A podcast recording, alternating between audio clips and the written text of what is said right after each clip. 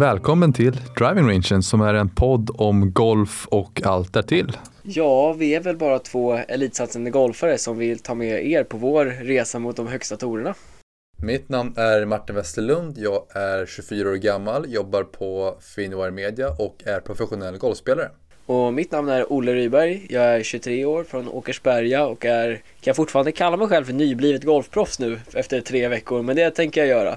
Jag blev precis klar med studerande på college i USA och har vänt hem till Sverige. Härligt! Hur är läget Olle? Är det bra? Det är bara bra tack. Lite trött efter en lång dag, men annars är det faktiskt bra skulle jag säga. Hur är du själv Martin? Jo men det är bara bra. Eh, också lite trött. Varit en eh, lång vecka. Man kan väl säga sovde redan onsdag men det har ändå varit en lång vecka. ja, så om ni förväntar er en energifylld och glad podd idag så nej, det kommer bara vara jag och Martin sitter och klagar på att vi är trötta. Nej, vi ska göra vårt bästa. Det är ändå lillördag. Lillördagen, ja ja definitivt. Martin, du har tävlat lite. Hur? Ja, eh, jag var nere på Torshälla nu i helgen som var. Och eh, spelade inte min bästa golf, eh, gjorde jag inte. Men eh, det var väldigt lärorikt på många plan måste jag säga. Eh, hade väl inte förberett mig på det sättet jag trodde var rätt. Och jag hade spelat ganska mycket senaste tiden. Men det visade sig att jag faktiskt behövde stå och nöta kanske mer än just bara spela. Eh, som jag har gjort senaste veckan. Det är, det är väldigt kul att spela men man måste ju eh, göra jobbet också bakom kulisserna så att säga på övningsfältet, ranchen eh, och även putting green då. Sen var jag lite, jag var väl ganska mentalt trött bara, har varit ganska mycket nu på jobbet senaste tiden också, kombination med lite för lite träning och för mycket spel så blev det inte resultatmässigt det jag hoppades på men eh, tog med mig väldigt mycket bra nu som jag redan applicerat på eh, träningen nu efteråt då. Så jag tar med mig mycket positivt ändå, även om scoremässigt var det långt ifrån det, det jag sökte. Jag tänkte precis säga det, det här var väl första tävlingen sedan eh, ja, egentligen början av våren när du var nere i södra Sverige. Så det måste väl ändå vara en ganska bra check att se vart du ligger till med träningen och lite så här känna tävlingspress igen så du kan gå tillbaka och anpassa din träning igen. Absolut, det var ju lite tag sedan jag var ute och tävlade så det var ett par veckor sedan så det var ganska välbehövligt att känna lite puls och vara där ute. Eh, så det var på det sättet väldigt skönt att rosta av lite eh, maskineriet om man säger så då. Så nu laddar jag upp inför nästa tävling.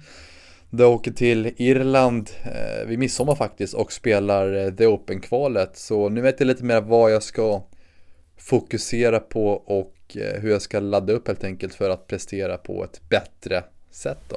Häftigt att spela Open-kvalet också, men det är inte första gången du gör det, eller hur? Du har gjort det tidigare år.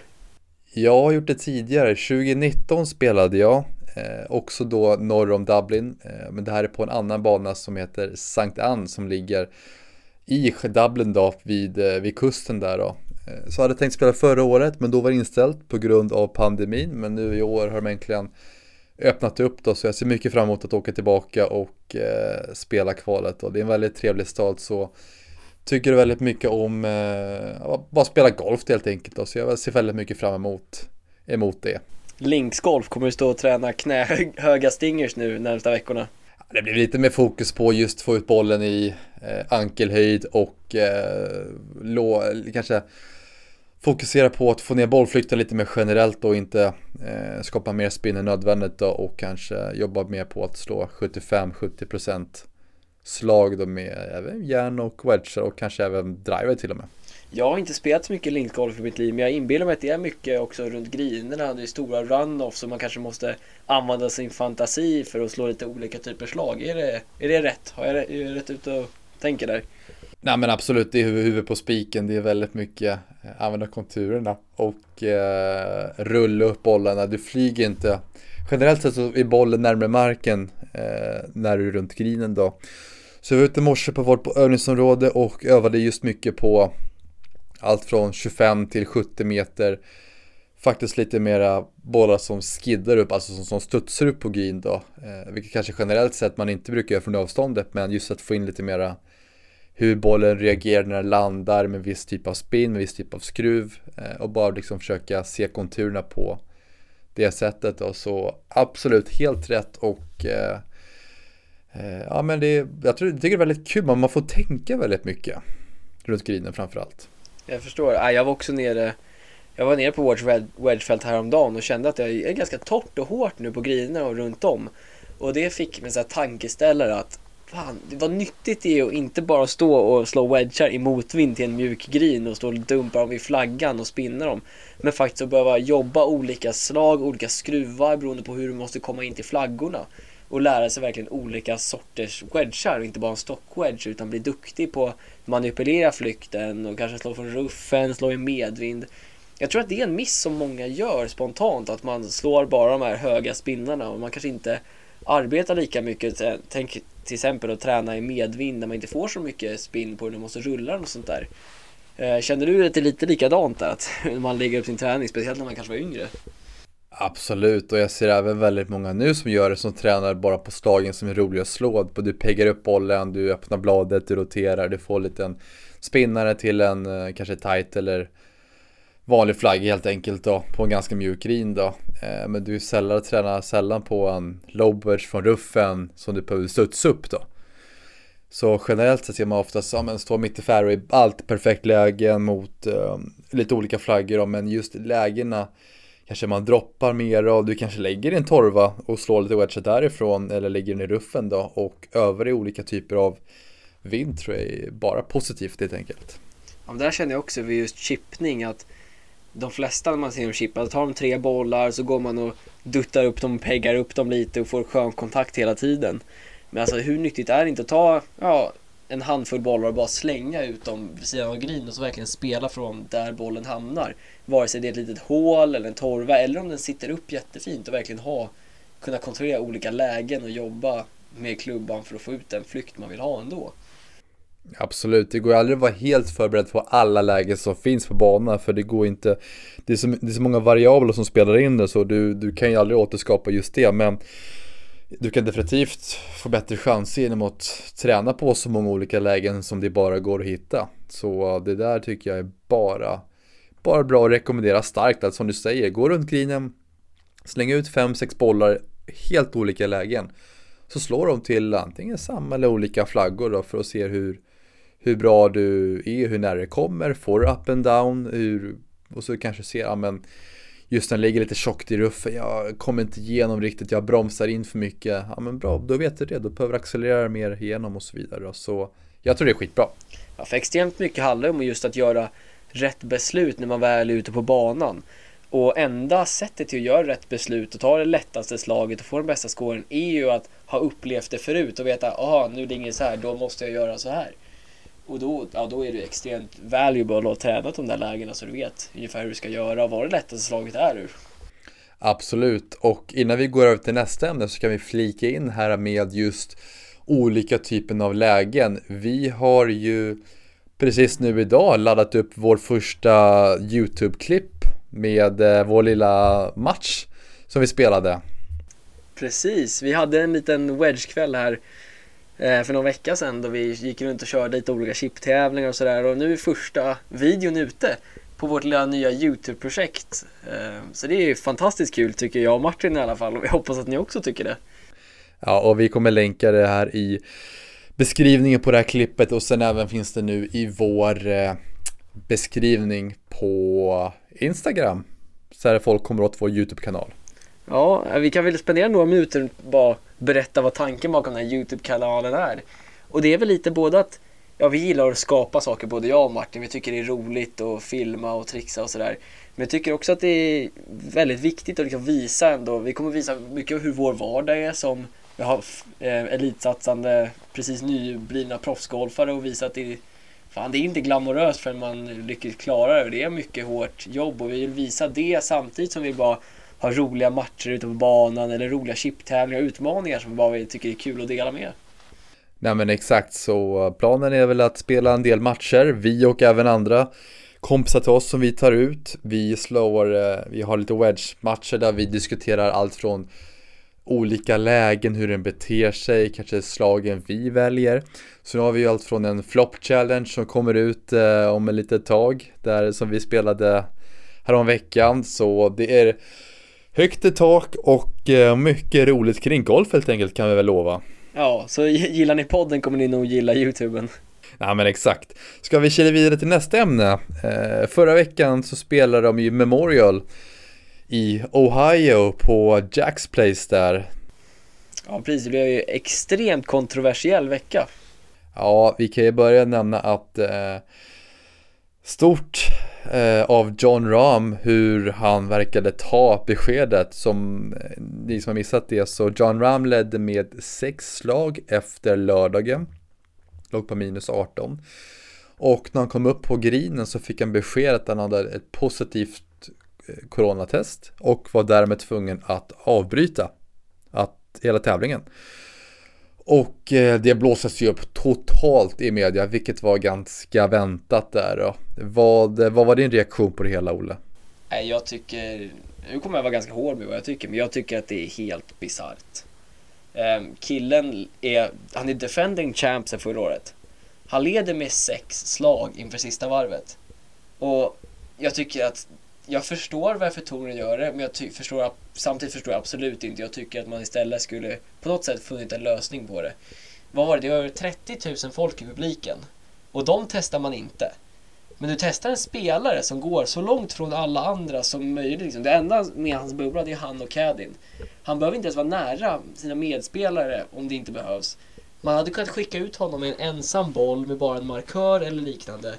Eller bara vara extremt tydlig med att hålla riktlinjerna känner jag spontant. För trots allt, det är ju inte en kontaktsport och det är ganska stort ändå att vinna en PGA-tävling. Då tänker man ja, han är John Ram, han är toppen i världen. Jo, men varje titel är extremt viktig för de här killarna.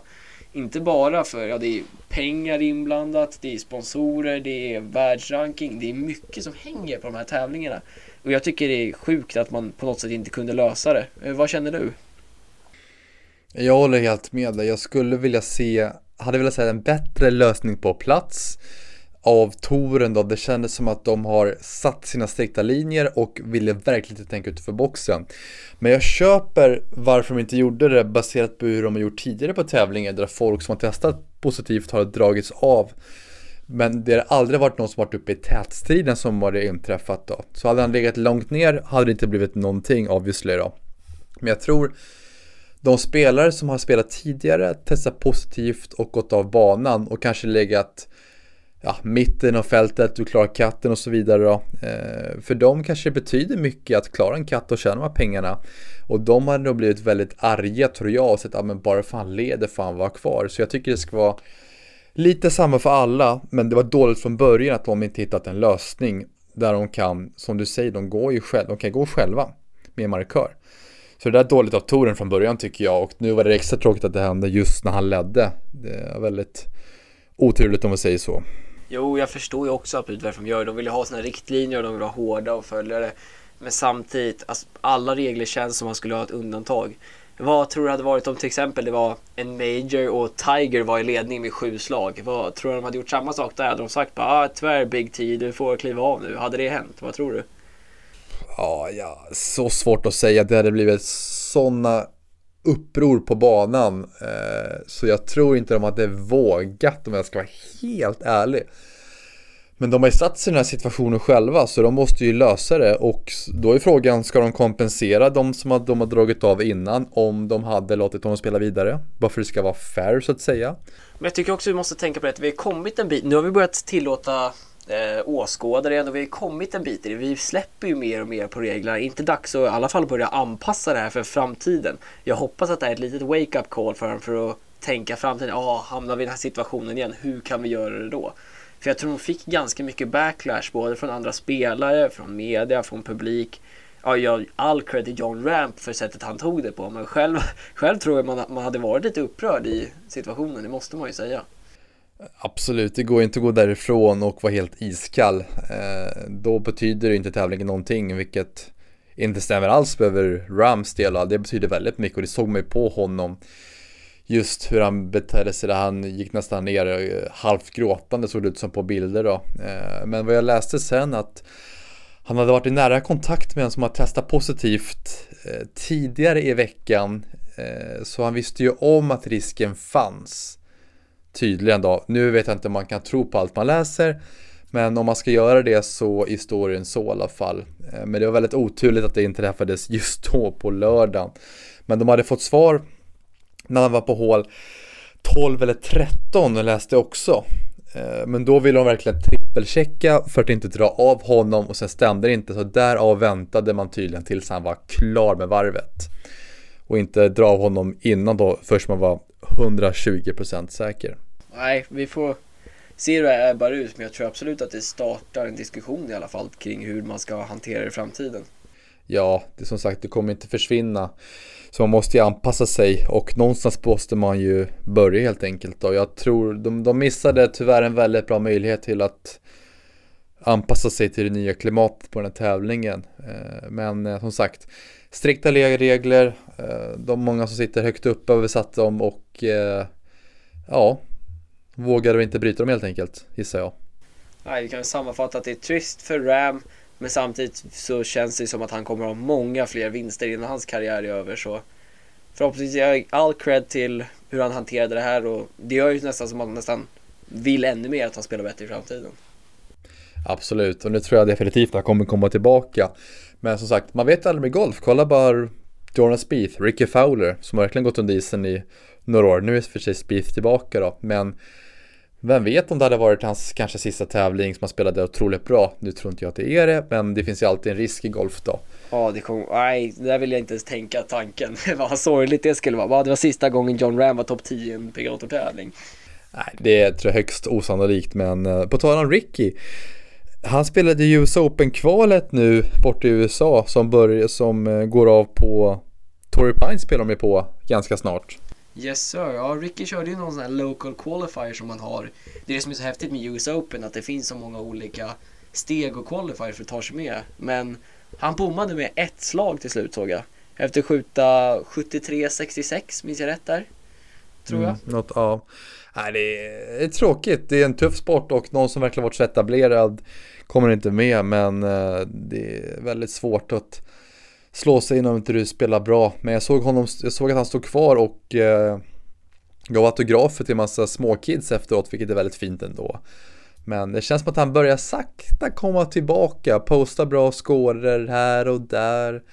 Eh, jag tycker inte man ser samma energi från honom på banan än i alla fall, men det känns som att han trendar ändå hyfsat i rätt riktning där. Vad, vad känner du? Jag, jag såg, måste framförallt säga det, jag såg det där med att han stod och signade massa autografer. Jag tycker det, det, det är stort ändå. Det handlar mycket om vad golf är och han försöker vara en förebild för de yngre kidsen. Jag tycker det är riktigt fint. Och det är sånt som får en att vilja unna honom att spela bra igen. Men det känns ju som att han visat mer liv igen. Han sprattlat till lite mer senaste tävlingarna i alla fall. Han var ju uppe i täten nu senaste veckorna. Och det är ju långt mer än vad man kan säga från ja, senaste året egentligen. Men det känns ju som en sån kille med så mycket rå talang som han har. Det känns som att han måste komma tillbaka förr eller senare. Vad tror du?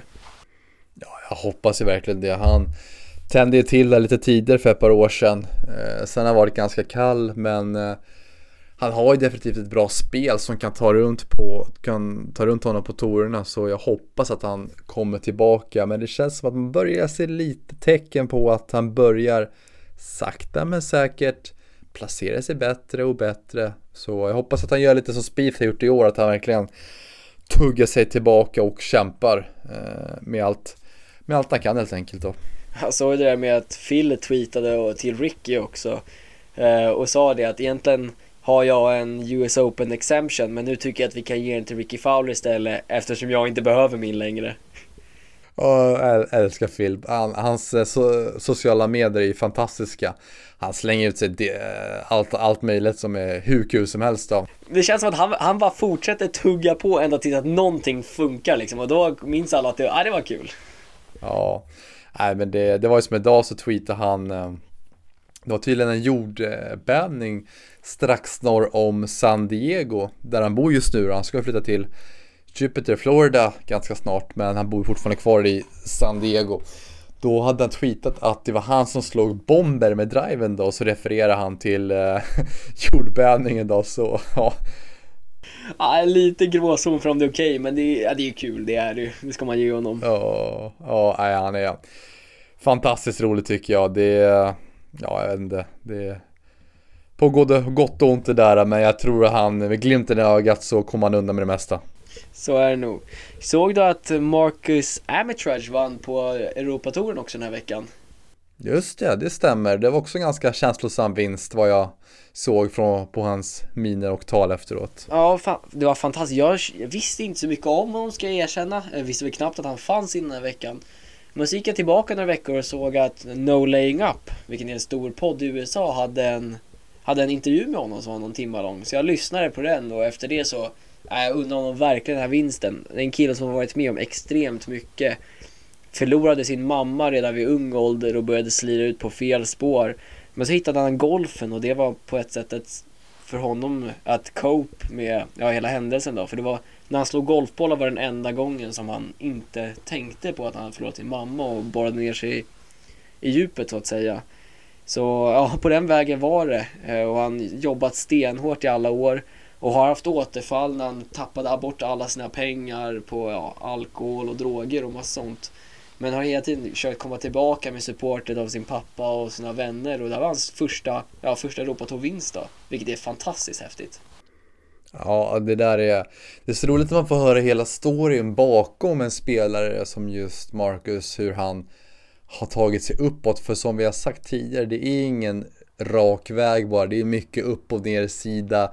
Du slängs tillbaka till början hundra gånger så måste du fortsätta tugga på bara. Så det där är både inspirerande och riktigt, man vill vara glad att en sån spelare spelar bra tycker jag.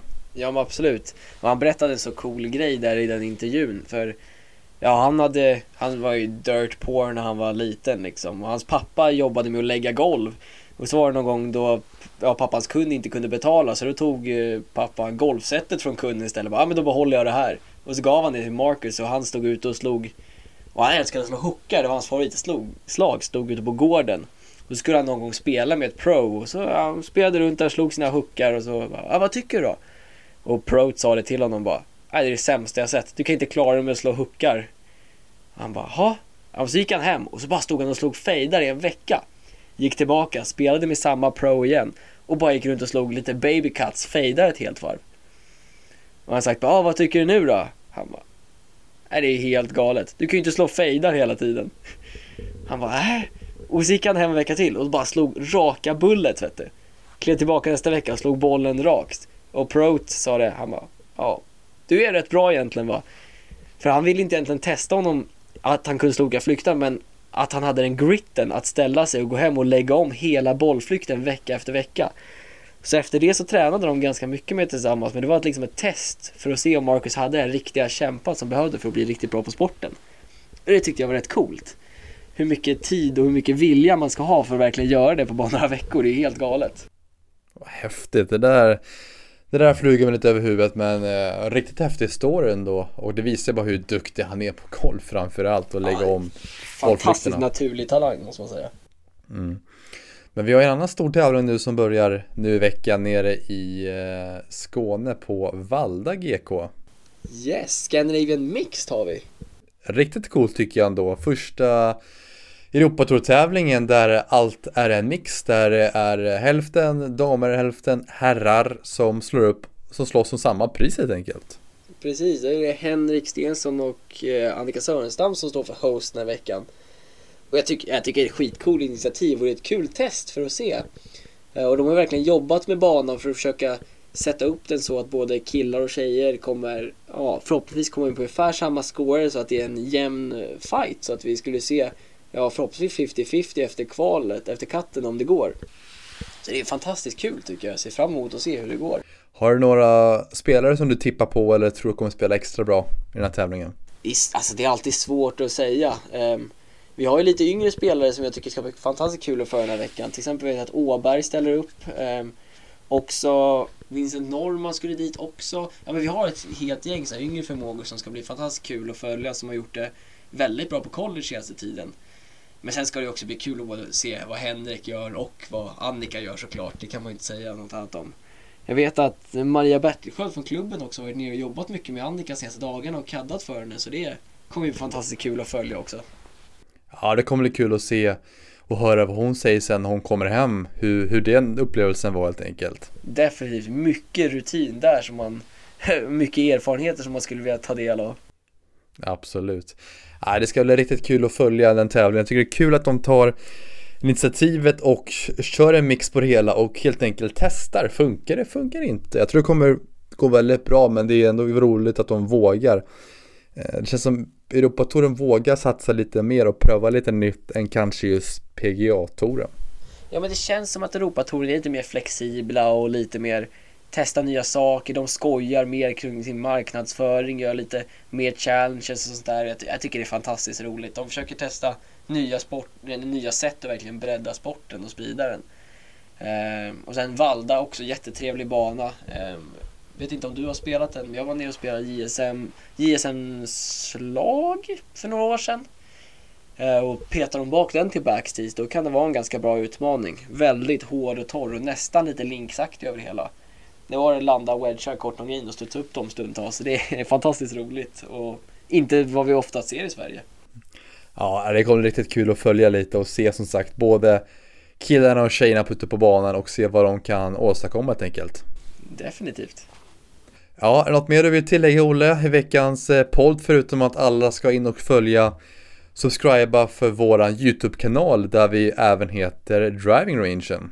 Nej, jag har redan varit inne och kollat på videon kanske sex gånger så nu får någon annan pumpa upp tittarsiffrorna lite också. Inte bara jag och Martin. Ja, det är bra. Det, det får vi ordna. Men du, vi får inte glömma att följa våran Instagram där vi heter Driving Ranger där vi kommer lägga upp mycket relaterat till podden och även nu vår YouTube-kanal där vi håller alla uppdaterade kring med vad som sker. Yes, och så får ni inte glömma att följa våra personliga golf-instagram heller där vi uppdaterar om våran vardag och tävling och lite sånt. Ni hittar mig på Ryberg Golf där jag lägger upp lite saker om mina tävlingar och etc. Och vart hittar vi dig Martin? Ni hittar mig på Martin Westerlund understreck golf. Och så får ni inte glömma att eh, prenumerera på våran podcast här så ni får en notis när vi släpper nytt avsnitt som vi planerar att göra så ofta vi kan varje vecka. Vi börjar bli ruttade på att säga det här nu måste jag säga. Det går bättre för varje vecka.